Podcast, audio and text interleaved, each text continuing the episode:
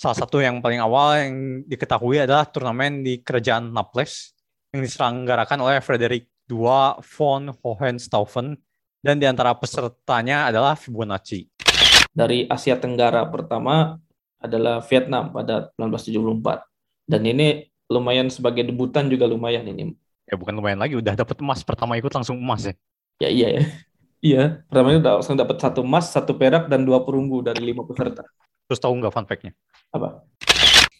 Ya tujuan akhirnya nggak nggak selalu tentang olimpiadenya, justru kayak olimpiade tuh alat aja gitu. Ya nggak sih? Harusnya tuh gitu. Hmm. Ujungnya harus selalu perkembangan matematikanya secara umum gitu, gak cuma yang olimpiade.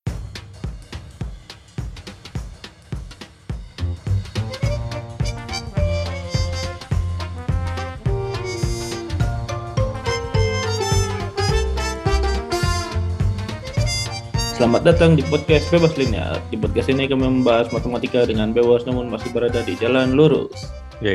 Masih bersama saya Rizky dan partner saya Lauren. Seperti biasa sebelum ke bahasan utama kita akan bahas apa tentang apa sejarah Olimpiade Matematika ya. Ya kita akan bahas recent update dulu apa yang terjadi di kehidupan kita selama seminggu terakhir dan juga apa yang lagi tren di sosial media dan juga ada bahas bola sepertinya Liga Champions sudah kelar kan. Tapi Nations League. ya Nations League ya tidak penting itu. ya tapi kalau misalnya mau langsung ke bahasan utamanya ya bisa dicek di timestamp di deskripsi ya itu bisa dilihat itu mulai dari menit ke berapa. Oke, seperti biasa nih gimana nih kabarnya nih Lawrence hari ini? Gimana apanya? Gimana kabarnya? Akhirnya makan pasta. Wah. makan pasta beneran, bukan pasta kantin. jadi jadi konteksnya Lawrence ini lagi kuliah di Italia terus uh, udah kuliah berapa lama ya dari dari Agustus ya Dari September sampai sekarang hitung aja lah berapa bulan. apa ya ya Sembilan uh, kali ya. berapa- sembilan bulan ya udah sembilan bulan di Italia tapi baru merasakan kemar kemarin ya diajak makan makan ya sama dosen atau Yoi. ya Kalau sendiri mah mana mau lah. 13 euro buat porsi segitu kayak ada. eh, 13 euro porsinya porsi belum kurang guli Iya. Mending nasi goreng abang-abang di jalanan. 15 ribu rupiah. Porsi kuli. porsi Portugal Portugal porsi tukang gali oke ya ya jadi ya memang selama berarti selama 9 bulan memang ya belum pernah merasakan pasta yang benar-benar pasta ya pasta kan Yoi. Tapi makan apa aja pasta doang gitu Ya, itu kan pastanya ada udang. Enak sih itu pastanya. Eh, udangnya sih lebih enak. gue tahu gue lebih suka udangnya. oh Terus ad- ya itu juga apa? Yang lain ada yang pesan pizza, ya comot juga lah pizzanya. oh pasti ada pizza Ya itu aja ya. pizzanya tuh kalau di situ tipis apa ya Eh, ininya Eh, definisi tipisnya tuh gimana? oh ininya apanya sih nggak tahu kalau dibandingin sama lu eh, nggak tahu kalau pizza-pizza di Indonesia kan kadang suka tebel tapi tebelnya tuh nggak Wah nggak tahu di Indo juga jarang makan pizza. eh, ya tapi maksudnya Lebih tipis lah. lebih tipis ya kan maksudnya kayaknya Italia itu lebih, lebih- yang asal Italia kayaknya lebih tipis pizzanya Hmm. terus sudah diperkenalkan main kartu juga ya? sudah ya Ya udah dari kapan? Dan dari kapan oh iya ini turnamen pingpongnya kapan mulai Lusa. Mungkin. oh Baru ngisi jadwal. Ya. Gua ngisi jadwalnya tidak bisa besok. Karena partner gue besok masih di Spanyol. eh gimana pada ini cabut Kan udah beres kuliahnya kan, tinggal tesis doang. Terus ya jalan-jalan lu ke Spanyol.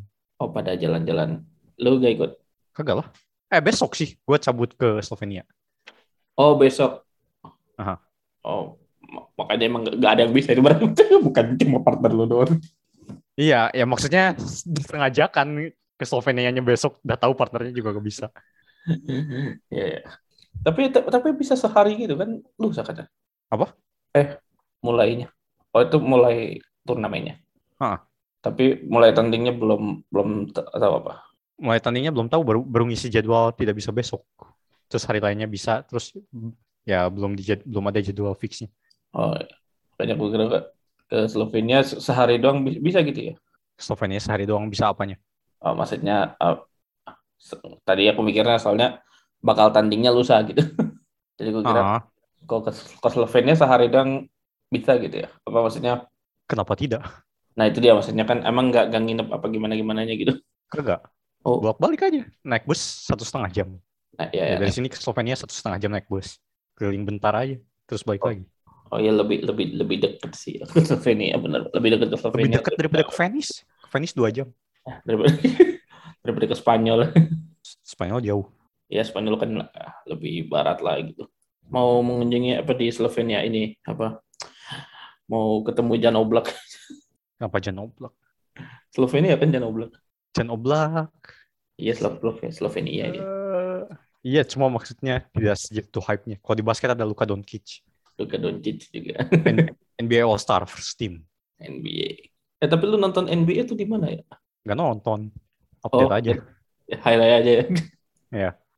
Sama nyari ini paling streaming streamingan bahasa Arab gitu kayak. Enggak, enggak. Jam 3 pagi siapa yang mau streaming? Ya juga sih. Ya oh ya kalau di Eropa ya pagi. Pagi kan kalau eh subuh kan kalau di Indonesia tuh deh pagi itu aja jam 8. Ya, makanya pas tahun berapa sih? 2018, 2017 nonton final NBA kan ditayarin di TV. 2018 benar. Pas ini Hmm. berarti. Pas apa eh IMC ya bukan bukan ya? Oh, bukan. Oh, kira Di rumah lah Oh, pokoknya. di- Ya, aku kira nonton. Aku kayaknya non- nonton nonton bola nggak tahu ya. Aku nggak nggak nggak ngecek provider, nggak ngecek siapa penyelenggara yang punya right-nya di sini. Jadi saya nonton ya streamingan inilah Arab Hmm. sama kalau tapi tapi beberapa match aja kalau nggak ya ya highlight doang sama kayak lu. Nah, NBA itu banyak banyak acara di tengah-tengah. Iya. Gak kayak bola. Kayak lagi time out, ada yang tampil, bawa musik, ya emang emang emang kayak gitu kan. quarter. Heeh. Am- Amerika emang hiburannya top. Cuman ketika hiburan ala Amerika mau diterapkan ke olahraga Eropa, eh, dead. Eropa, ya susah yuk. Makanya siapa ya yang gue lihat di Facebook ada yang komentar mantan pemain bola. Ya kita nggak peduli ada Camila Cabello, kita mau nonton bolanya, Kita cuma nonton final Liga Champion kita Iya. nggak tahu gitu karena tidak mau nonton hiburan. karena nggak tahu juga sih. Ya emang sebenarnya kayak itu kayak kayaknya Camila juga gak pas juga tuh kayaknya apa agak rusuh juga tuh pas sebelum pertandingan ya ada yang Nggak tahu masuk gitu. iya, Just ngapain lah udah final Liga Champion mah ya, final aja. iya juga. Terus ada hiburan. Iya. Nggak tahu emang emang kadang kebanyakan ide emang. Iya. Kan orang Eropa lebih strict dibanding orang Amerika. Ya budaya budaya bola kan juga beda lah. Lebih Ya, budaya sehari-harinya juga lebih strict. Hmm, Kalau AA aja gak usah ada apa-apa lagi. ya Terus ya kemarin makan 4 slice pizza dan makan pasta baru kenyang. makan pasta kenapa? Baru Makan kenyang. pasta doang gak kenyang. Oh, Nambah 4 slice pizza baru kenyang. ya iyalah. Orang saya lihat di story porsinya ya, uh, ya ampun. Makanya Menakjubkan. eh, Pizzanya gimana ya? Ya gitu aja. Pizza seperti pizza. Tapi tau gue pasta tuh ada ini nggak sih kayak ada ada sampingannya gitu, bukan nggak cuma pasta doang. Tau gue ada rotinya juga. Gak ada sih. Oh enggak, Yang itu cuma tomat sama udang dong. ya. Memang nggak Terus ini. pastanya talioli. Ravioli, ravioli. Dan Talioli. Apaan? Talioli Oh, pastanya. Jenis pastanya. aglio olio. Apaan? Ya bukan sih. Bukan talioli. Tadi- T-A-G-L-I-O-L-I. Oh, iya. Tuh kira cuma olio doang. Banyak. Keren pastanya ini Kuregioli. Hmm. Ya tapi pasta banyak sebenarnya jenisnya kayak ya itu apa oh, aglio olio banyak jenisnya kayak terus ternyata cara masaknya tuh beda-beda gitu kayak tiap jenis Ya iyalah.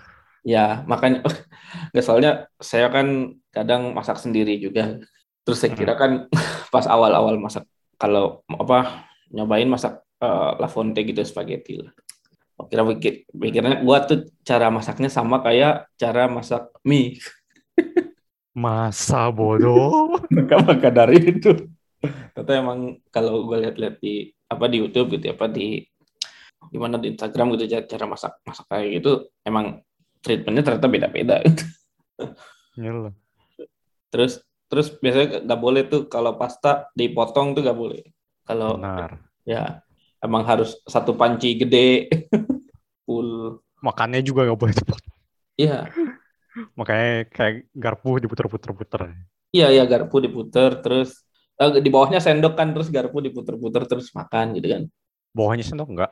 Eh bawahnya apa ya? Saya pokoknya ya Enggak harus.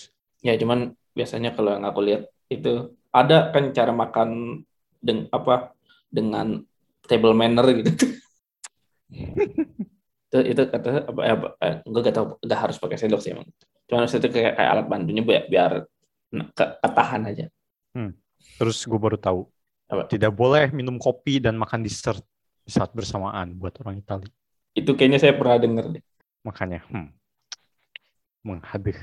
ya ya kop- kopinya apa gitu misal kayak kayak kopi kopi jenis ini tuh peruntukannya boleh dimakan dengan ini gitu kayak gitu gitu. Kayak gitu. Kayak cappuccino dengan apa gitu. Gue gue pernah denger tuh itu tuh. Hmm. menarik ya ya udah. Semoga ya besok stay safe lah buat perjalanan besok. Hmm. ke Slovenia. Jangan lupa cari kartu Slovenia kalau ada. Mungkin. pemandangan-pemandangan Slovenia kan kartu Slovenia. Kartu remi sih oke. Kalau dari saya apa ya? Atau saya se- semenjak kelar tesis ya nggak tahu. Kelar tesis. eh, eh kelar tesis lagi. Bukan dong. Kelar ini kelar ujian. Hmm. kelar ya mulai garap-garap tesis lah gitu. Apa baca-baca sih sebenarnya. Baru baca-baca buat tesis. Tapi sebenarnya lebih ke banyak ke ke jalan-jalan. Jalan-jalan tuh saya nyari ini resto restoran Indonesia. Ada. ada ada berapa sebenarnya restoran Indonesia di sini. Sebenarnya kayak udah tahu dari semester lalu bahkan, tapi kayak mau refreshing dulu lah gitu. Hmm.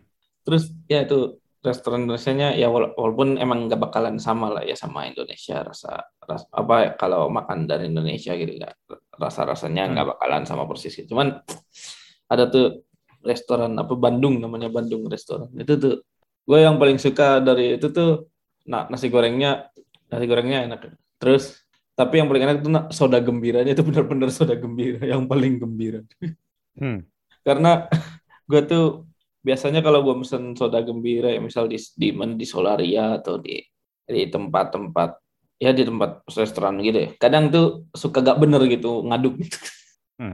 Jadi kayak kita ngaduk sendiri gitu ag- agak effort. Nah ini soda gembira itu bener-bener udah diaduknya pas gitu. Hmm. Sama ya itu ya paling ya jal- jalan-jalan sama mulai siap-siap garap tesis lah. Hmm. Oke. Ada lagi dari lu? Ada dong. Apa? Sudah daftar ICM virtual. Ko- Daftar Kongres Matematik ya? Ya. Oh enggak. Itu juga nanti Fields Medalist penghargaannya di situ. ya, ya. itu Fields Medal kan. Mhm. Itu 4, tahun sekali berarti. Iya. Ya makanya.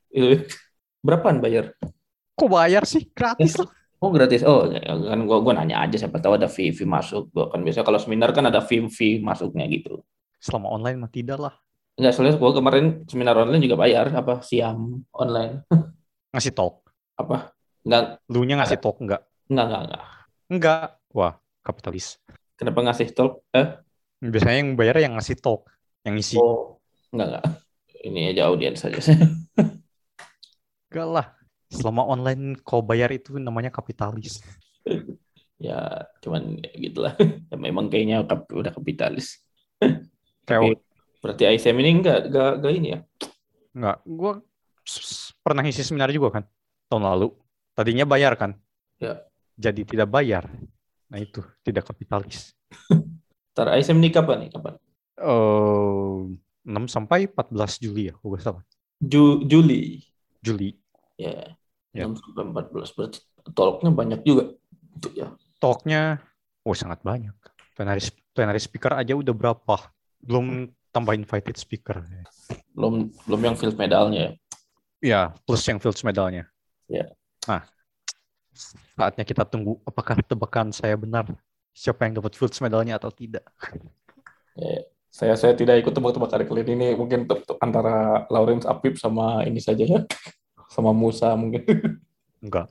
Semua Oh. Apip doang. Apip doang ya. Musa episode 100. Mm-mm. Terus Hmm. plenary speakernya, oh banyak yang ya lumayan bukan lumayan lagi banyak yang terkenal. Oh, Setidaknya yang gue tahu. gue penasaran. Terus Ya, apa nih? Terus apa nih? ada Apip nebak ini bakal dapat Fields Medal, tapi plenary speaker kayak hmm, kayaknya plenary speaker tidak dapat Fields Medal biasanya. Oh, Cuma kita tidak tahu lah, kita lihat saja. tempat tapi kan maksudnya biasanya kayak tidak rahasia kan maksudnya enggak dikasih tahu Iya, lawannya siapa-siapa aja si ini si iya. ini. Cuma Nah, biasanya pem, apa Fields Medal itu tidak jadi plenary speaker yang terpisah.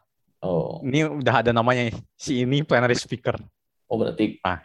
nggak tahu nih. Oh, berarti biasanya enggak kan kalau kayak Ya gitu. biasanya enggak. Tapi mari kita lihat. Terus ada ada yang rajin banget. ini udah plan, udah plenary speaker berapa kali, udah ke ICM berapa kali ini. Tapi belum dapat. Hah? Tapi belum dapat dapat apa gimana? Belum dapat dapat. Ya udah nggak bakal dapat lah, udah Bakal lewat deh. umurnya. Tapi tapi rajin juga ya. Ya, mungkin penghargaan. Penghargaan apaan? ya, ya walaupun belum sempat dapat diberi kesempatan buat jadi pembicara di situ. Ya rajin banget udah tiga kali gitu di plenary speaker kayaknya. Ya, Kayak ngapain? Rajin rajin amat. Hmm.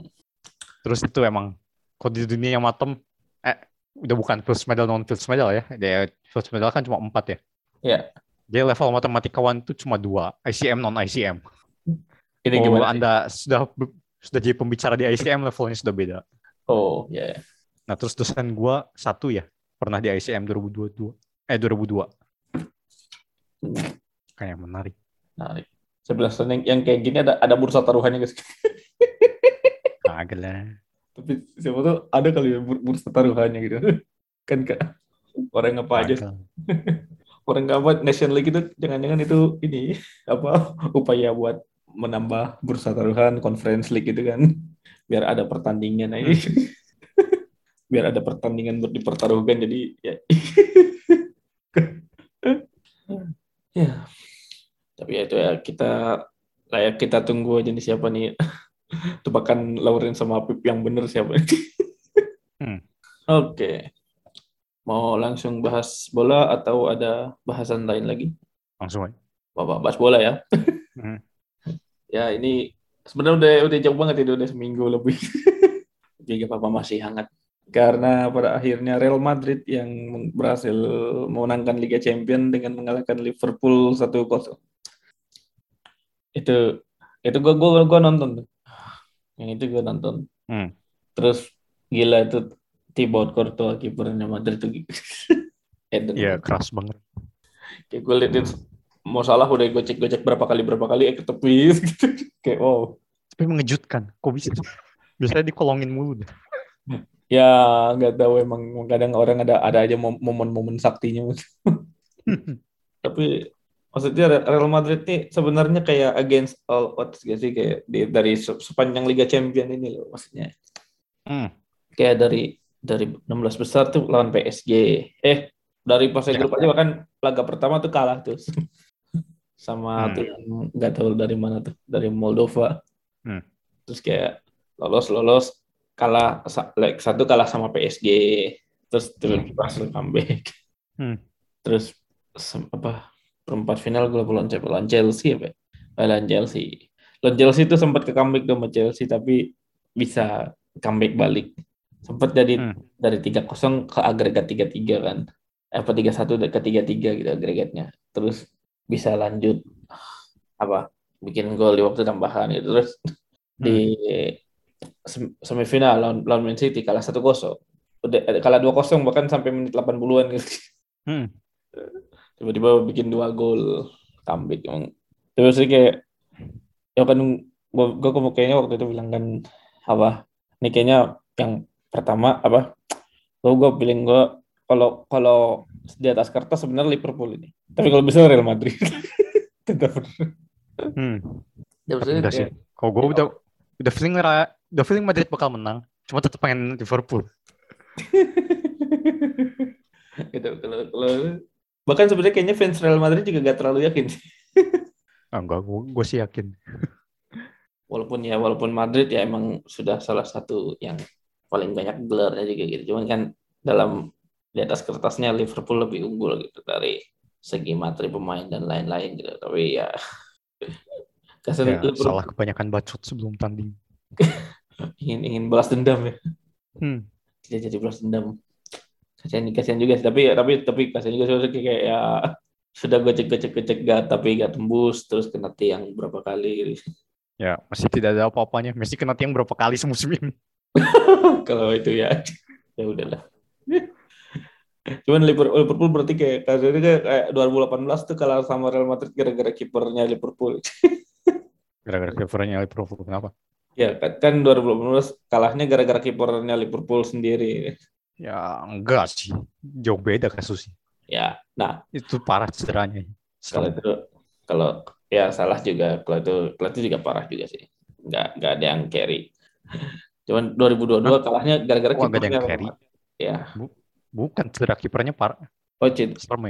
Bu, yang mana? Enggak enggak 2018. 2018? Enggak enggak enggak, enggak cedera kipernya. Oh iya ya. Enggak itu itu blundernya Karius itu. Ya, tapi kan gara-gara seram. Oh, sempat cedera juga ya? Iya. Oh iya, ya, itu juga. Ya tapi maksudnya kalah gara-gara kiper sendiri di 2022 kalah gara-gara kiper Real Madrid. Oh, enggak juga sih. Itu enggak enggak dibilang gara-gara sih. Ya memang memang enggak enggak enggak memang enggak ini ini cuma apa meme-nya aja. Meme-nya yang muncul tuh gitu. Hmm. tapi maksudnya Liverpool juga gokil sih sebenarnya musim-musim ini tuh kayak hampir menang hampir bisa menang semuanya yang bisa dimenangin gitu. Tidak lah. Cuma kurang kurang kurang beruntung di akhir aja. Terus jadi ya selamat buat fans Real Madrid dan setelah Real Madrid ada ya tadi ada Nation League. Enggak lah. Finalisima dulu. Oh iya finalisima itu itu apaan sih? saya gak, saya baru tahu kok ada Italia dan Argentina. Bahkan dari kapan isunya? Ya, itu tapi aku baru tahu bener. gitu tuh ah ada finalisme. Itu kayak ini kan kayak apa? Juara Eropa lawan juara Amerika Latin kan? Iya. Iya. Baru tiga kali tahun sembilan berapa sih? Sembilan tujuhan. Ya. Stop terus baru ada lagi sekarang. Ya itu dari tahun lama tuh terakhir terakhir kayak 80 90-an baru sekarang. Ya, terlihat lah. Back-back Italia sudah tua. Di Maria agak kebalap. Iya gitulah. Ya kalau lawan Italia gak, gak usah gak usah terlalu bangga juga sih. Makedonia Utara aja bisa. Apa? Kalau lawan Italia menang gak usah terlalu bangga juga sih. Makedonia Utara aja bisa. Jerman aja gak bisa menang. Baru aja seri satu-satu. Iya. ya tapi Nation League aneh-aneh juga nih hasilnya nih kayak Inggris kalah terus apa Denmark eh Oh, aneh enggak lah. Sudah terprediksi. Oh iya. Semua yang kalah itu sudah terprediksi sama gue. Ya, ya. Eh, itu karena anda, anda yang memprediksi emang emang ada penuh kedengkian dengan timnas Inggris emang. Enggak, emang kelihatan kan Hungari seram di Euro kan. Wah ini oh. minimal seri nih. Bisa menang Hungari ya. Menang. Yeah. Terus gue lihat line up-nya Inggris hancur deh. Siapa yang di tengah yang selain Alexander Arnold yang nggak tahu siapa. ya, tapi bisa apa gara-gara capek juga pemain-pemainnya sih. Gak juga sih. Kayak udah semusim. Emang, gitu aja. Emang emang kelihatan. Terus Prancis kan sudah diketahui ada masalah internal, udah dead lah. Pasti Denmark ini udah kelihatan. Ya kalau Prancis ya. Kalau Denmark Terus yang gua kaget Kroasia Austria sih. Nah, Gak itu, nyangka, itu, itu, itu juga. Itu juga tuh. Terus memang masalahnya adalah MU bukan Rangnicknya. Kalau itu nggak usah ditanya, memang itu pasti. Iya. Rangnick di Austria mantap kan? Apa? Iya mantap itu. Apa? Rangnick. Hmm. Nah, terus Rangnick kan cabut juga pada akhirnya dari MU kan? Iya. Ya emang yang salah MU-nya bukan Rangnicknya. Ya kayaknya udah. Ini kayaknya sudah melihat. Kayaknya sudah beberapa setengah musim yang lihat ini kayaknya emang udah tidak bisa dibentuk. iya. Adalah Austria aja. Loh, Austria langsung jadi tadinya mau jadi konsultan juga kan kayak ya hmm. ini mah emang dari akar-akarnya sudah di, diberantas aja hmm. jadiin jadiin yayasan aja Ya, Kroasia pemain intinya sudah pada tua. Rakitic gak dimainin lagi ya udahlah. Ya kalau Kroasia kayaknya kayaknya sebenarnya udah agak agak declining juga sih menurut. Belgia juga. sama ya Belgia. Bel- Belgia kalah lawan apa saya lupa. Belanda. Oh ya Belanda. Ah, Belanda lagi bagus-bagusnya nih. Apa lagi semangat semangat Lumayan lah, lumayan. up, uprising amat lah. ya uprising star kan banyak. Terutama yang Lumayan dari- lah, nggak bagus-bagus amat sih. ya memang belum yang top tapi kayak Ah. banyak dari Ajax juga terutama kan. Ya. Terus Italia Jerman satu-satu. Lah, cupu Jerman. Itu Italia pemainnya siapa coba ya? Terus gue gak ngerti, Pellegrina kok gak dibawa? Kayak line up Italia sangat aneh. Betul Italia Italia agak, agak membingungkan soalnya Curious case itu kayak kayak ya ya lu bayangin aja Telat regenerasi. Iya, ada ada bagian yang sebenarnya ada bagian yang udah mulai regenerasi, cuman ada yang belum gitu, back backnya belum, Back. Belum. Back. back back sama tengah ya, eh tengah, Eh, eh gak tahu sih. back back terutama back sih, back back Back sih. backnya ya. sama depan Kayak mungkin nggak punya alternatif. Argentina aja dibantai 3-0. Itu line up-nya yang lumayan. Ini line up yang begini. Jerman gak bisa ngalahin. Aduh. Terus Jerman juga aneh. Kayak Havertz disadangin. Dia jelas di Chelsea-nya lumayan ya. Bagus sih. Kenapa dicadangin? ya? Tapi kan Gundogan dicadangin. atau juga sih, kadang mikir ya kan tadi aku bilang apa, mungkin ada faktor kecapean juga kan di Belanda Van Dijk tuh gak, gak main juga tuh, gak main. Main. Inti. Nggak, nggak, nggak. Oh, main. Inti. gini, apa? Tapi katanya cuma main berapa match gitu? Dua match dari empat atau satu match dari empat gitu. Itu kapan? Kata ini, kata Van Gaal. Mainnya aja baru satu match. Ya maksudnya, dia main satu match kan? Nah, habis ini nggak main lagi. Katanya Oh. sih gitu, maksudnya. Ya mungkin. Karena ada faktor kelelahan juga apa habis musim panjang gitu. Hmm. Maksudnya, ya ketika lu bilang apa kayak Harvard gak dimainin, Gundogan gak dimainin, ya gue gak tahu juga mungkin ya pada sesi latihan kelihatan ini yang yang fresh nih apa yang siap buat tempurnya yang mana gitu loh gitu loh ya Ya. oh karena semusim di Chelsea bagus harus harus main gitu padahal ketika ini ketika latihan nggak menunjukkan performa yang 100% gitu gitu dan Ya, juga ya. dipertimbangkan Alasannya sederhana. Mereka bukan Pedri. ya Pedri juga kayaknya sekarang udah mulai kelelahan juga sih. Enggak sih, emang cedera sekarang. Ya mak- maka dari itu Itu bukan kelelahan sih. Cedera beda lagi. ya mak- maka dari itu ya cedera juga ya kan diporsir terus tuh berapa Ya, kalau cederanya gara-gara pemain lawannya bukan diforsir ya. ya memang ada saatnya Ada saatnya cederanya ke- karena kesalahan sendiri kayak hamstring itu. Ya. Itu kan ketarik sendiri. Ada saatnya Anda kena sepatu dengan duri-duri. sepatu dengan kulit duren Iya. tapi ngomongin soal timnas tuh yang paling menyedihkan tuh timnas Indonesia kok bisa lawan Bangladesh aja gak menang Itu apa? apa ya persahabatan Ngapain? Persahabatan? Persahabatan. kualifikasi Piala Asia ya Persahabatan bener. iya persahabatan Tapi ngapain? ya nggak tahu ya nggak ngerti juga tapi sebenarnya yang, yang bikin kesel itu berapa hari sebelumnya ya kan sempat apa latihan nggak jadi karena lapangannya belum di booking. Tahu nggak sih? Nggak. ada ada beritanya tuh ada gitu. Jadi timnas mau latihan. Jadi kronologinya katanya jadwalnya kegeser sih apa? Tiba-tiba jadi lebih awal sejam gitu. Cuma ketika jadi lebih awal sejam itu pas udah nyampe di stadion nggak bisa nggak nggak jadi latihan gitu. Karena ya nggak ja- nggak nggak di booking gitu stadionnya buat latihan latihan timnas Hmm, makanya. Mereka kepakai up gitu. nggak tahu atau ya, ya maksudnya kayak nggak berkoordinasi apa ini gitu atau nggak nggak dikasih prioritas mungkin Nggak, tidak pakai beli-beli. tidak pakai beli beli nggak pakai ada booking booking lapang Iya. Buka booking. Nggak tahu nggak jelas. Maksudnya kayak, kayak se- sekelas timnas tuh bisa gak, gak jadi latihan gara-gara gagal di booking tuh gimana ceritanya? Ya terus kalau telat booking masalahnya di mana?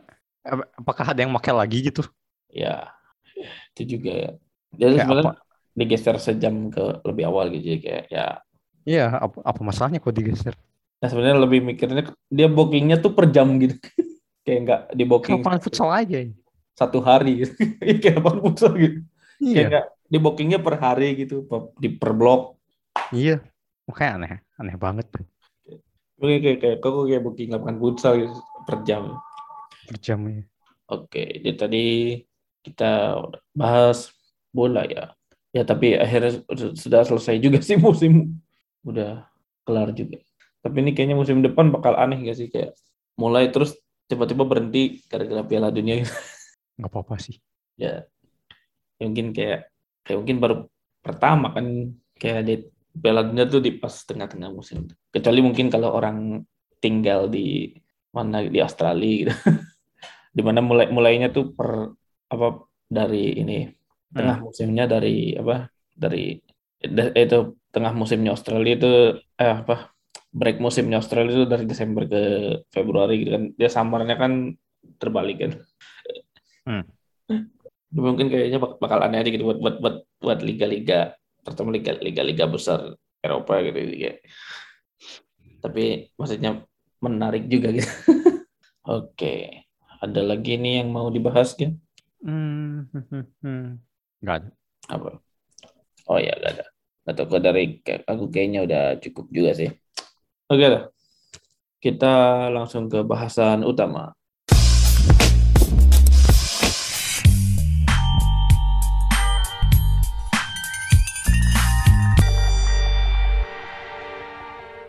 hari ini kita mau bahas apa nih lo Ya, kita mau bahas sejarah Olimpiade Matematika. ya kenapa karena di sekarang episode 105 kan dari 100 episode yang lalu di episode 5 kita ngumpul berberapa itu ya kayaknya paling banyak itu eh Enggak lah. berempat ya Kayak, kayak paling banyak bahas. Eh, lebih banyak yang bahas itu ke Bulgaria. Oh yang ke Bulgaria? Ya ya lebih banyak yang Bulgaria. Ya sama-sama Olimpiade berarti. Bahasanya. Oh, enggak, itu bahas Bulgaria. bahas oh ya gitu lebih ke bahas Bulgaria. Secara umum. Dan tempat wisata di Bulgaria yaitu episode 23 itu. Eh, tapi di, di episode 5 itu ya kita bahas tentang pengalaman eh Olimpiade pengalaman kita masing-masing di Olimpiade bersama teman-teman kita juga di di matematika ITB itu juga masa-masa terakhir tuh sebelum COVID tuh. Hmm. Maret 2020 tuh. Oke, ya sekarang kita pengen bahas eh, Olimpiade dari sisi sejarahnya nih, Olimpiade Matematika. Hmm. Nah, eh, ini naskah ini beberapa diambil dari eh, artikelnya Olga Platonova yang berjudul History of Mathematical Olympiad. Judulnya ini History of Mathematical Olympiad. Jurnalnya World of Transport and Transportation. Jadi ini saya bingung kenapa ada di jurnal transport dan transportasi itu ada jurnal transportasi ada bahasan tentang Olimpiade aja saya bingung. Perpindahan dari kota ke kota Olimpiade. Ya mungkin karena oh karena Olimpiade butuh transportasi juga ya betul. Iya. Butuh naik apa kalau waktu itu kita ke Makassar naik pesawat. Hmm. Gue sempat rapat tapi saya saya, saya kan agak agak parno saya naik pesawat jadi bisa naik kapal kapal laut. Kenapa gak berenang aja?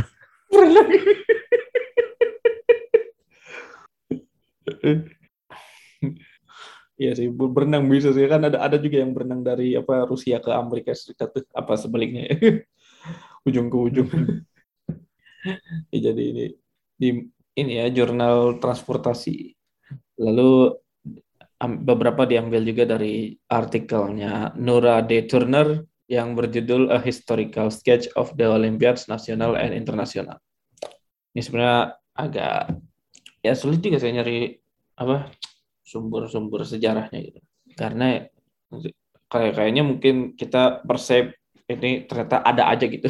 Tiba-tiba ada oh ada orang ide bikin olimpiade kayak gitu. Hmm.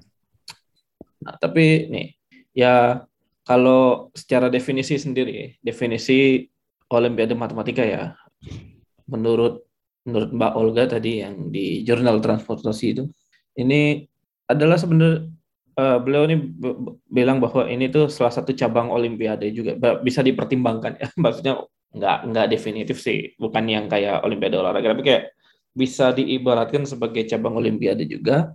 Jadi dia cabang olimpiade antar siswa atau mahasiswa dalam memecahkan masalah matematika non standar jadi ya masalah matematika yang beyond apa yang diajarin di kelas gitu. Hmm. Jadi di luar apa yang enggak enggak, enggak di luar juga sih. Sebenarnya bisa dipecahkan dengan metode-metode yang dipelajari di kelas. Uh, awalnya sih gitu. Walaupun kalau di Indonesia mungkin enggak, enggak juga sih. Kayak di mana-mana enggak sih enggak tapi tapi sebenarnya iya uh, enggak tahu apakah apakah di luar itu misal kan ini ya yang kita tahu apa dia ini kan apa aljabar aljabar analis lagu aljabar, teori bilangan, kombinatorik sama geometri gitu kan. Hmm. Aku gak tahu apakah itu di kurikulum luar itu jadi pakem ya, terutama mungkin di awal-awal. Maksudnya? Apakah maksudnya apakah di luar itu itu ah, masuk ke kurikulum sekolah gitu? Nah, di kita juga masuk. Ya, nah, cuman kan teori bilangan kan enggak. Masuk. Bukan bukan kuliah bersekolah sekolah SMA. Iya. Oh. Lah, tapi dikit doang kan? Mungkin ya dikit ya nggak nggak yang oh kombinasi permutasi sih masih. Tapi tapi satu teori bilangan kayaknya dikit iya ya dikit banget mungkin ya. Iya. Iya. Nggak. Gimana mana sama aja. Olimpiade itu beyond di kelas. Ya tapi intinya sebenarnya lebih ya beyond di kelas dan nah menurutnya juga nih menurut Mbak Olga lagi tadi ini Olimpiade ini gak cuma untuk mencari anak yang berbakat walaupun itu salah satu goalnya itu ya untuk mencari anak yang berbakat juga di matematika. Tapi selain itu eh, Olimpiade ini menciptakan suasana holiday atau liburan atau suasana santai kali ya rekreasional suasana rekreasional dalam bermatematika serta mengembangkan kemampuan problem solving dan uh, berpikir mandiri para siswa. Nah, cuman sebelum ke Olimpiade matematika nih. Ini kita mungkin agak sidestepping sedikit ya. Gimana nih kalau yang Olimpiade olahraga? Ya, ya begitulah orang-orang juga udah tahu lah ya. Jadi apa? Dibilangnya ada mitos sejarahnya dari Herakles dan keempat saudaranya Paeonius, Epimedes, Iasius, dan Idas yang berlomba lari di Olimpia untuk menyenangkan Zeus. Ya, acara ini jadi tradisi di zaman Yunani kuno sejak abad ke-7 sebelum Masehi dan diselenggarakan setiap 4 tahun sekali. Bahkan ketika diselenggarakan suku-suku yang berperang berdamai sementara waktu untuk mengikuti si Olimpiade ini. Diperlombakan antaranya lari, kuda, lempar lembing, lompat jauh, dan olahraga pertarungan seperti gulat dan tinju. Nah, jadi Olimpiade ini terus ditiadakan sejak Yunani dikuasai oleh Romawi kuno dan baru diselenggarakan lagi tahun 1896 di Athena yang jadi landasan Olimpiade modern. Ya ya tahu lah ya. Kayak orang-orang banyak yang tahu nah yang yang lebih penting adalah olimpiade matematikanya. Nah untuk kompetisi matematika sebenarnya sudah ada sejak zaman India kuno menguasai matematika dan zaman Archimedes Nah, mereka juga nyebutnya Olimpiade, tapi diketahuinya hanya antar matematikawan dan saling berkirim masalah matematika. Sementara untuk bentuk turnamen, salah satu yang paling awal yang diketahui adalah turnamen di kerajaan Naples yang diselenggarakan oleh Frederick II von Hohenstaufen dan di antara pesertanya adalah Fibonacci. Nah, terus ya seperti yang pernah dibahas juga di abad 16, matematikawan juga saling berkompetisi dengan mengirimkan masalah yang mereka harapkan lawan ini tidak mengetahui uh, solusinya sehingga kehormatan yang kalah ini tercabut. Nah, jadi Contohnya adalah uh, Tartaglia sama Cardano. Jadi pada masa itu matematikawan cenderung merahasiakan penemuan mereka. Nah, tapi pada akhirnya Tartaglia gagal merahasiakan. Jadinya ke tahu apa direbut Cardano solusi persamaan kubik. Jadinya solusinya disebut solusi Cardano bukan solusi Tartaglia. Yeah. Nah, lalu dia abad-abad selanjutnya kompetisi ini berbentuk korespondensi antar matematikawan cemerlang pada masanya seperti Johann Bernoulli, Gottfried Leibniz, Isaac Newton, dan Leonhard Euler. Nah, gimana nih korespondensi ini? Jadi ya matematikawan ini saling berkirim surat antar mereka dan uh, diterbitkan di satu jurnal gitu. Pada pada akhirnya korespondensinya nih mereka saling berkirim surat lalu diterbitkan di suatu jurnal yang mereka publis gitu. Nah, eh, di antara ini hasil salah satu hasil dari korespondensi ini nih melahirkan solusi bagi permasalahan brakistokron, yakni kurva yang menghubungkan titik A dan B. Jadi kalau misalnya kita punya titik A dan B gitu di, di ruang tiga dimensi lah. Terus titik A di atas B tapi nggak persis di atasnya gitu. Nah, terus kayak misalnya berlaku gravitasi. Nah, lalu kita nyari lintasan yang uh, kalau kalau benda di titik A digelindingkan ke titik B gitu, menempuh waktu paling cepat. Nah, ini nama apa lintasannya ini kurva Brachistochrone. Jadi ini kurva tercepat yang kalau benda A benda di titik A digelindingkan ke titik B dengan mengandalkan gravitasi gitu. Nah, itu salah satu hasil dari korespondensi. Ya walaupun nggak nggak nggak yang menyebutkan ini pemenangnya sih ini enggak gitu. Cuman ini kayak mereka berlomba-lomba buat uh, memberi masalah dan ngasih solusi gitu. Dan yang ikut emang ya matematikawan yang pada saat itu sangat cemerlang.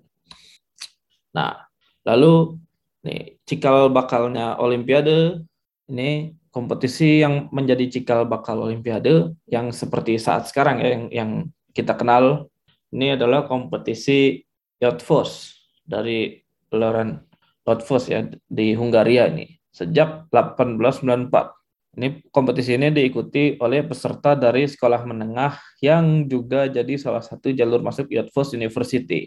Nah, cikal bakalnya adalah uh, Yadfos ini dia tuh jadi kayak menteri pendidikan gitu di masa itu. Kayak menteri jadi menteri pendidikan terus dia ini adalah uh, kompetisi Yadfos ini adalah salah satu prokernya. Hmm. Jadi ya tujuannya untuk ya untuk memajukan permatematikaan di Hungaria lah kayak gitu. nah, ya ini di kompetisi ini nih peserta diberikan tiga soal dan diberi waktu empat jam untuk mengerjakan tiga soal tersebut. Nah, di di di jurnal ini juga dijelaskan nih bahwa meskipun soalnya bisa masih bisa diselesaikan dengan kurikulum sekolah, dia tidak dia mengklaim itu tidak tidak beyond kurikulum, tapi ya kayak tadi bilang apa menuntut pemikiran kreatif dari peserta dan tidak hanya mengandalkan hafalan atau formula yang diberikan di kelas gitu. Sehingga bahkan uh, pesertanya nih boleh membawa buku catatan ya alias dia open book. hmm. Open book. Nah, ini kita kasih soal paling awal nih dari kompetisi Outforce nih dari kompetisi Outforce pertama nih soalnya apa nih? Nah, buktikan bahwa 2x plus 3y dan 9x plus 5y membagi 17 pada X dan Y yang sama. Ya. Hmm. Jadi yang ini kayak apa ya? Jadi kayak kalau 2X plus 3Y membagi 17, 9X plus 5Y, XY-nya sama, membagi 17 juga. Ya. Kok ini membagi 17 ya? Bukannya 17 membagi itu ya? Oh, sorry. Ya, 17, 17 membagi. prima ya? Ya, maka dari itu. ya 17 habis dibagi ya. Habis dibagi 17 maksudnya. ya. Jelek ini. Ngantuk ya berarti saya 17 bikin naskah. Ya, habis dibagi 17 maksudnya. Hmm, jadi tujuh, kalau 17 membagi 2x plus 3y, 17 membagi 9x plus 5y juga. Dan sebaliknya ya? Ya, jadi ya, kayak kebayang. Nah, terus soal lainnya adalah panjang sisi sebuah segitiga membentuk deret aritmatika dengan selisih suku D. Dan luas segitiga tersebut adalah A. Nah, tentukan panjang sisi dan sudut segitiga tersebut. Dan beri contoh untuk D-nya 91, A-nya 96.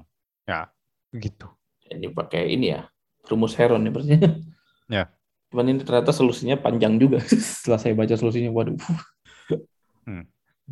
nah ya sampai sekarang kompetisi ini masih berjalan walaupun sempat ganti nama menjadi Kursa Competition dan menginspirasi berbagai kompetisi matematika di dunia setelahnya hmm.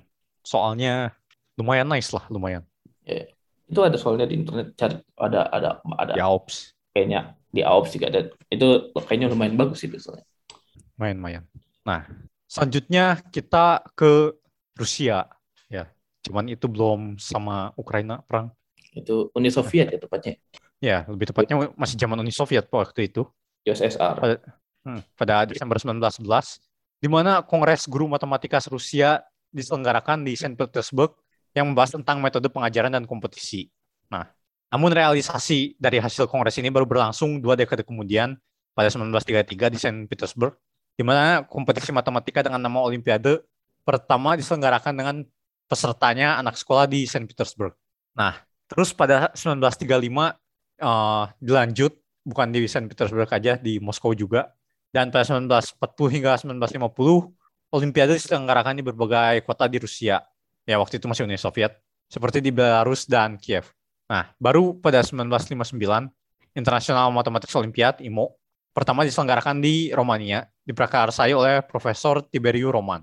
Nah, pada IMO pertama nih yang ikut cuma tujuh negara, Romania, Hungaria, Cekoslovakia, Bulgaria, Polandia, Uni Soviet, dan Jerman. Nah, soal awalnya apa nih? Ya, itu tadi berarti negara-negaranya negara-negara blok timur semua ya? Negara... Ya, kan, kan yang penggagasnya Romania. Eropa Timur, betul. Nih, soal pertama dari IMO pertama adalah sebagai berikut. Jadi, buktikan bahwa pecahan uh, pecahan ini 21N 21N plus 4 dibagi 14N plus 3 dengan pecahannya. Itu sudah dalam bentuk paling sederhana untuk setiap N. Ya, ini hmm. bisa ya atas sejak kali dua bagi. Saya kebayangnya kan kalau misalnya 21N plus 4 sama dengan 14N plus 3 kali sesuatu K gitu. Terus nanti bisa dikali dua yang itu nanti dikali dua yang satu di, apa dua satu n plus empat dikali dua empat plus n plus tiga nya itu dikali tiga gitu.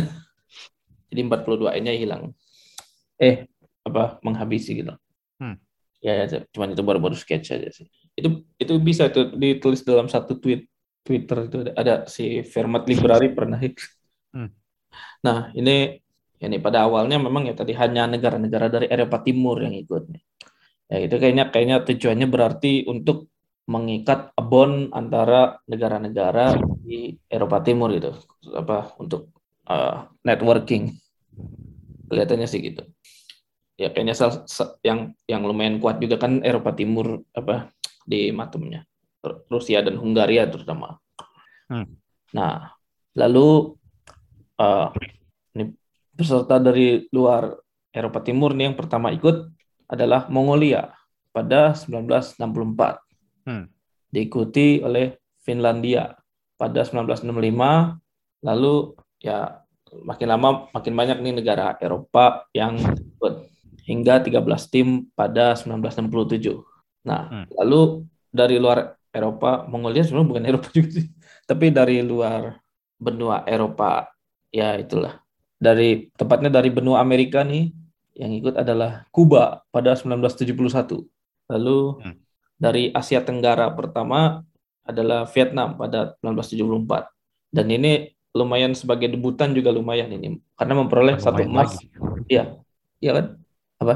Ya bukan lumayan lagi, udah dapat emas pertama ikut langsung emas ya. Ya iya ya. Iya, pertama itu langsung dapat satu emas, satu perak dan dua perunggu dari lima peserta. Terus tahu nggak fun fact-nya? Apa? Masih perang internal itu. Gila kan Vietnam.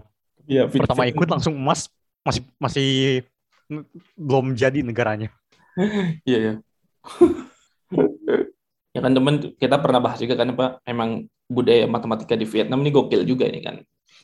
Ya, cuma problemnya masih ada budaya timurnya, masih segananya ke dosen ya. kayak gitu kan. Ya. Ya.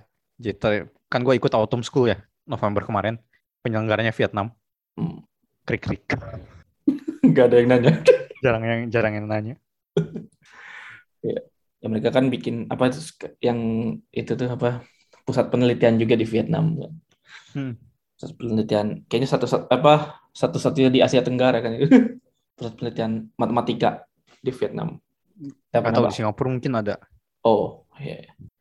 cuma itu salah satu yang terbesar juga tuh di Asia Tenggara maksudnya nih hmm gokil lah ini debutan debutan tapi langsung satu emas satu perak dua perunggu tuh. Negaranya belum jadi. Ya. Lalu eh, Amerika Serikat baru berpartisipasi di tahun 1974 walaupun ini salah satu yang terkenal juga ya Amerika Serikat ya. Maksudnya apa ya? Hmm. budaya olimpiadanya. Uh, meskipun ya kompetisi nasional di Amerika Serikat ya sudah dari tahun 1950 sebenarnya. Hmm. uh, USAMO itu USAMO Hmm. Sama tuh kayak mirip-mirip pelatnas gak sih? Enggak. Oh. Ya OSN lah gimana? Oh iya kayak OSN. Kalau pelatnasnya apa ya? Pelatnasnya tim selection test. Iya ya. Oh iya itu itu. Itu ada yang blog blognya siapa tuh? ada yang di, di blognya Evan Chen, iya bukan sih? Hmm. Iya di blog Evan Chen kan soal Usamo dan tim selection test itu. Hmm. Nah, lalu selanjutnya wakil Afrika pertama adalah Aljazair pada 1977. Lalu dari zona CONMEBOL alias Amerika Latin, Brazil jadi wakil Amerika apa Amerika Selatan pertama, Amerika Latin pada 1979. Lalu dengan keikutsertaan Australia pada 1981 nih akhirnya semua benua terwakili. Hmm. Nah, cuman ya IMO ini diselenggarakan tiap tahun kecuali pada 1980. Rencananya eh, pada 1980 nih IMO IMO ini diselenggarakan di Mongolia. Tapi tidak jadi karena lagi ada konflik internal di Mongolia. Lagi ada konflik di Mongolia sehingga diganti dengan dua event tidak resmi dua, dua event Olimpiade Matematika juga tapi gak, gak resmi dari IMO gitu jadi ada di Luxembourg dan di Finlandia hmm. nah lalu fun fact-nya adalah satu-satunya negara yang pernah ketahuan curang adalah Korea Utara. Hmm. pada 1991 dan 2010 ya, saya curiga bukan bukan curang ini. Kayaknya minta suaka deh. Apa? Minta suaka kayak gitu minta apa? Minta suaka. Kan kan minta Korea suaka apa? Kan Korea Utara. Pengen ah, kabur. terus. lu tau gak sih? Oh, emang ada yang kabur? Iya. Oh, gimana gimana? Ntar deh. boleh boleh deh. Nggak nih mumpung, mumpung mumpung nyambung nih masih Korea Utara nih. Habis ini kan bukan oh, IMO ya. lagi. Ya kan teman gue yang dari Mongol IMO 2015 ya. Ya. Terus sempat ngobrol sama yang dari Korea Utara, orangnya literally bilang abis ini cabut, beneran cabut, penutupan hilang orangnya, gak balik ke negaranya. Ya, ya bukan nyari suaka beneran cabut Iya. Yeah. Yang curang-curang beda lagi sama nyari suaka. Hubungannya apa? Gak ada hubungannya. Ya siapa tahu maksudnya kan kan mikir kalau curang kan gue gua mikirnya gue ini yang ada di bayangan gue ya.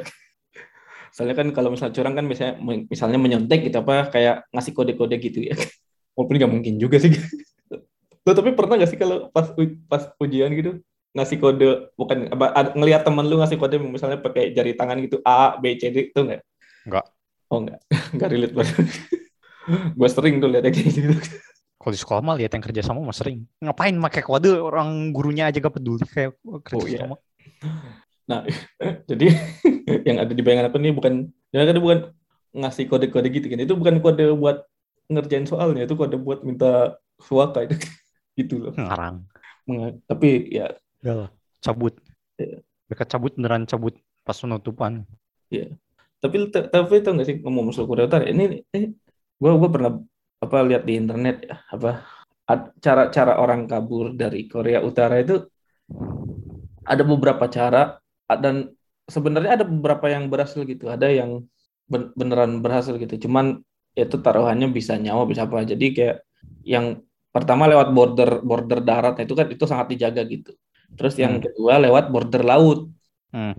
lewat jadi naik perahu lah gitu. Kalau udah ketahuan, nah uh, jadi ke, kalau misalnya uh, ada apa terdampar di Korea Selatan misalnya dari Korea Utara ke Korea Selatan gitu, terus misal dengan selamat gitu ya atau ya masih hidup lah gitu, ya terus apa nah itu tinggal ini aja menghubungi konsuler ke Korea Selatannya gitu, hmm. buat jadi kayak refugee gitu lah jatuhnya gitu. Hmm. Terus jalur-jalur lainnya tuh lewat lewat ini lewat lewat utara lewat apa utaranya kan berarti apa ya Cina apa Rusia gitu. Ada Cina ada Rusia. Hmm. itu salah itu salah satu yang susah juga itu. Tapi intinya kalau misalnya udah bisa nyampe ke kedutaannya Korea Selatan gitu misal di Cina atau di Rusia itu bakal langsung di deportasi ke Korea, Korea Selatan gitu. Itu itu cerita-cerita cerita-cerita ini apa penyintas. Oke ada lagi nih tentang IMO yang mau ditambahin? Ya ya makin lama pesertanya makin banyak ya. Kayak sekarang kayaknya hampir tiap tahun dan 600-an, selalu 600-an. Ya. Dari 100 sekian negara. Ya. Terus kau Indo pertama kali tahun berapa sih? 88 gitu ya? Ya, Boleh kita cek. Cek aja, cek aja ada. Ya, jadi Indo pertama ikut 88 sebelum OSN. OSN kan kok salah 2002 ya? Belum ada tuh ya? Belum. Nah, itu seleksinya gimana tuh? Lalu tau? Enggak. Oh iya, saya belum cari, saya belum tahu juga tuh. saya gak nyari lagi. Terus ya yang seram adalah Cina. Jelas. Jelas. Kayak pertama ikut ranking 32. Tahun depannya ikut langsung ke 4. Tahun depannya ikut ke 8. Terus habis itu 21 21 kecuali ada satu tahun anomali tahun 96 ke 6. Habis itu udah 1 2 3 aja terus. Iya. Kayak progresnya super cepat. Ya. Juara umum kan itu kayaknya juara umum apa lifetime apa nama bukan lifetime apa namanya?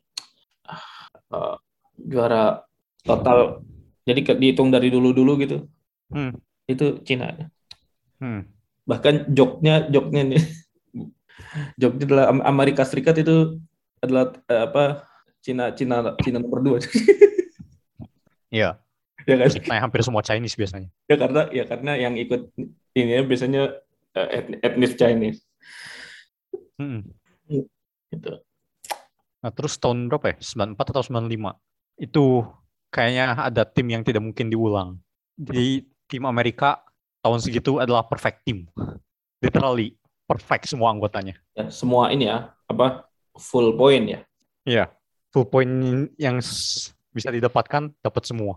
ya jadi kan ada enam soal ya kalau IMO Hmm. kan enam soal Hmm. dua hari ya enam soal dua hari terus masing-masing soal tuh dapat nilainya tuh dari 0 sampai 7 Hmm. berarti itu 42 Ya, 42 kali kali 6 252. kali 6 ya. 252 tapi ada Ya, lagi jadi- katanya satu lagi Luxembourg. Tapi dia satu orang doang. Perfect team. Eh, ya terhitung perfect team. tim. Timnya tim sendiri. Ya. Makanya itu 6 orang, 6 6-nya 42 kayak itu ya tadi terus ya yang ikut IMO juga banyak lah yang jadi apa pada akhirnya jadi matematikawan terkenal banyak Hmm. Terence Tao misalnya sama ini apa Perelman Gregory Perelman yang mecahin poin kare Hmm. konjektur sama ini pernah juga ya apa M- Mariam Mirzakan itu pernah juga ya Hmm. ya ya lalu ada lagi Ya, terus ya banyak lah kayak sekarang di AOPS kan soal Olimpiade dari berbagai negara banyak. Ya. Khususnya Rusia sangat menarik, sangat bikin sakit hati. Kayak soal soal yang terlihat susah bu, ternyata pas dapat solusinya lah gitu doang. Ya. Cuman kadang itu itu nggak sih satisfaction yang nggak tahu juga ya lu bilang sakit hati ya mungkin. Tapi kadang-kadang satisfactionnya kayak ketika dapat solusi sendiri gitu ya. Lah kok gini dong. Padahal padahal mikirnya dari awal susah gitu. Aku tuh kadang kalau main game puzzle tuh suka gitu. Mungkin, Dan- tapi soal Cina susah, menarik, Eh, keren lah. Soal eh nggak tahu, ya. Ya, menurut gua keren. Soalnya sekarang bagusnya adalah banyak banyak ngambil dari paper juga. Ya. Jadi kayak hint-hint apa kira-kira lema di paper tuh kayak gimana ya. Kayak hint buat research tuh kayak gimana. Oh. Ya. Soal Amerika terlalu random materinya. Gak jelas emang. Ya, Vietnam juga recommended. Soal biasanya Iran ya. Iran juga recommended. ya soal soal soalnya? Ya, Ya. Eh kalau APMO tuh apa ya? Asia Pasifik. Oh, Asia Pasifik. Itu kan bagian dari pelatnas juga kan? Kalau pelatnas timnas Indonesia. Bagian dari pelatnas apanya? Eh, ya bukan sih. Pernah. Kayaknya pelatnas dulu salah satu bagiannya APMO juga nggak sih? Bagian apanya? Eh, bagian dari kegiatannya gitu. Terus seleksinya aku gak ingat. Ya. Ya kan? Ya, itu juga banyak negara. kan. Yang lain-lain juga pada di APMO juga. Hmm. APMO nilainya lumayan. Oke. Lanjut.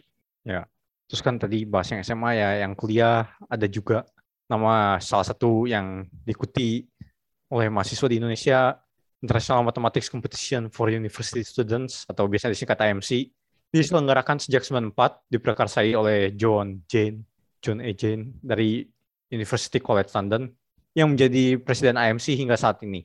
Nah, IMC pertama hingga keempat diselenggarakan di Plovdiv, Bulga- Bulgaria. Dan IMC ini pada edisi-edisi awal diselenggarakan sebagai bagian dari Project Tempus, yaitu Trans-European Mobility Program for University Studies, yang merupakan upaya Uni Eropa untuk merestru- me- merestrukturisasi pendidikan tinggi di Eropa Timur. Ya balik lagi ke Eropa Timur sih. Nah, jadi eh, khusus di Bulgaria ini Project Proyek ini diselenggarakan oleh University College London, universitas di mana sang presiden bernaung sebagai penanggung jawab. Nah, jadi Bulgaria sendiri saat itu sedang mempersiapkan untuk masuk ke Uni Eropa, sehingga kurikulumnya dirombak dengan proyek Tempus ini. Pada akhirnya Bulgaria masuk ke Uni Eropa ya tahun 2007. Nah, meski begitu, AMC tidak selalu diselenggarakan di Bulgaria. Ya, jadi contohnya pernah juga di Hungaria, Cekoslovakia, Polandia, Ukraina, dan di UCL-nya juga pernah.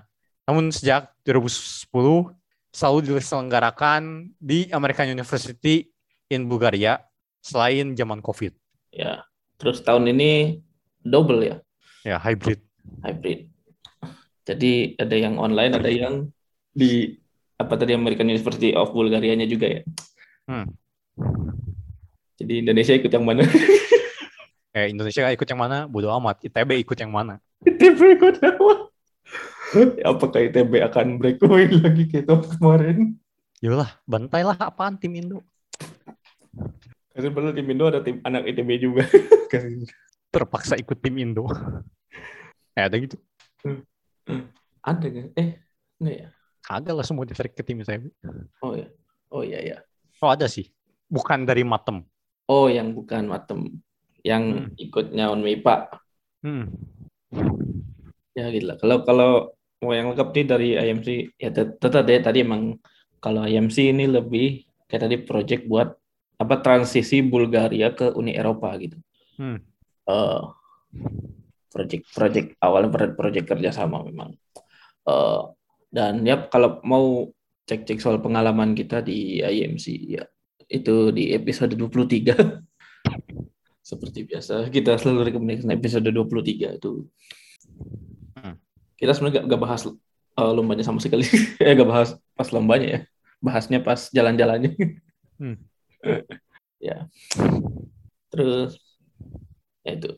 Kalau IMC ini soalnya sel selalu ini ya fresh terus ya kata lu ya fresh terus tapi ngambil shortlist tahun-tahun lama soalnya nggak pernah buka shortlist kan oh ya gak nah, pernah ya ya kalau buat yang di benua Amerika ada apa Putnam Putnam.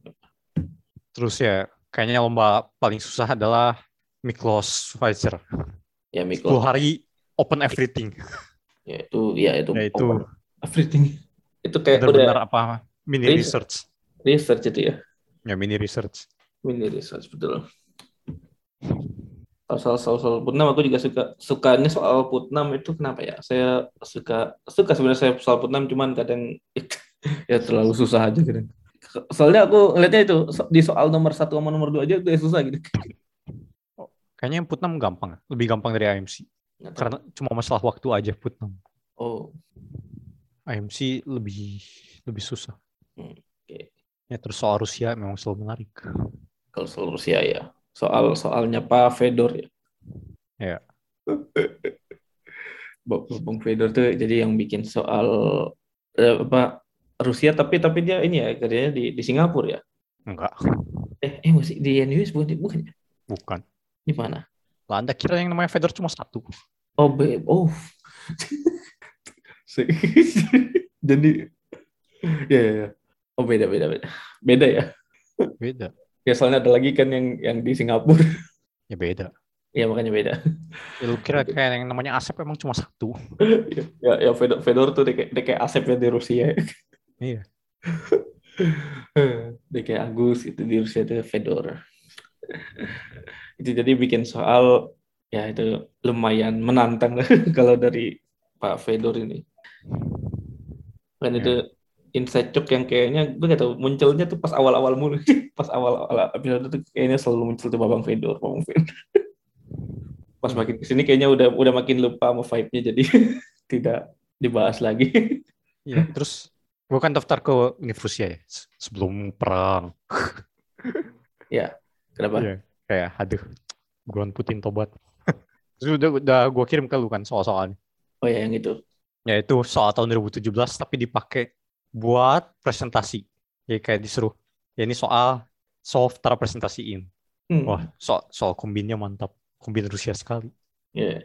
Ya, entah kenapa Rusia ini soalnya tuh cukup menarik ya kan tadi salah satu yang pemprakarsa Olimpiade juga Rusia juga kan selain Hungaria kan. Ya, tapi nggak tahu beda beda sendiri gitu dari negara negara-negara mana pun. ya, Tipe-tipe soal Rusia ini menarik. Oke. Ada lagi tambahan lain? Oh, nggak ada. apa? oh ya udah. Ya itu tadi sejarah tentang Olimpiade matematika. Tapi kita hitungannya agak telat juga ya, ternyata 2002 ya baru OSN. On MIPA juga telat. 2010 Unmipa 2010-an lah. 2010 Sekitar 2010-an. Plus minus. minus apa? Oh, Ya, oh, kalau nggak kurang salah lebih, kurang lebih. 2008. Ya, Ya, salah. kurang lebih ya. Ya, itu tapi tujuannya memang barangkali ya untuk selain untuk rekreasional apa mencari bakat di matematika ya tadi untuk rekreasional di ajang matematika juga dan ya bisa dibilang ajang silaturahim juga tadi IMO IMO juga itu ajang silaturahmi matematika dari untuk awalnya kan tadi Eropa Timur aja tuh sehingga makin lama makin dari benua-benua lain datang Ajang untuk cabut dari korut. ajang cabut dari dari suaka ya oke lah ya berarti jadi setengahnya kalau misalnya kita mau merombak kurikulum ya masih belum terlambat sebetulnya Hmm. ya kalau misalnya mau memajukan ya ya walaupun tadi memang kita agak terlambat ya kalau misalnya bisa dimulai sekarang ya kapan lagi gitu karena ya semuanya at least awalnya diawali dari silaturahmi dulu deh. Kan kita kan sangat suka silaturahmi maka tadi itu Olimpiade Matematika sebagai ajang silaturahmi. Hmm. IMC juga aku mikirnya banyak banyak dapat banyak teman juga Hmm. dari IMC itu gitu. Lebih ke silaturahminya dulu. Baru kita bahas gimana mengembangkan kurikulum matematika gitu. Walaupun ya tujuan akhirnya nggak nggak selalu tentang olimpiadenya, justru kayak olimpiade tuh alat aja gitu. Ya nggak sih? Harusnya tuh gitu. Hmm.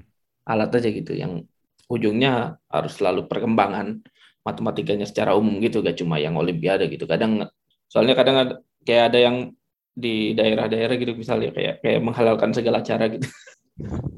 Hmm. Yang sih kayak padahal sebenarnya tujuan akhirnya ke kemampuan bermatematikanya secara keseluruhan gitu gak cuma yang ikut olimpiade aja gitu. Ya. Hmm. Mudah-mudahan ya ada yang bisa diambil lah dari episode ini. Ya kalau misalnya kalian suka konten-konten kami bisa di-follow di Twitter @bebaslinear, di Instagram @podcastbebaslinear dan di-share juga ke teman-teman kalian. Eh, sampai jumpa di episode berikutnya.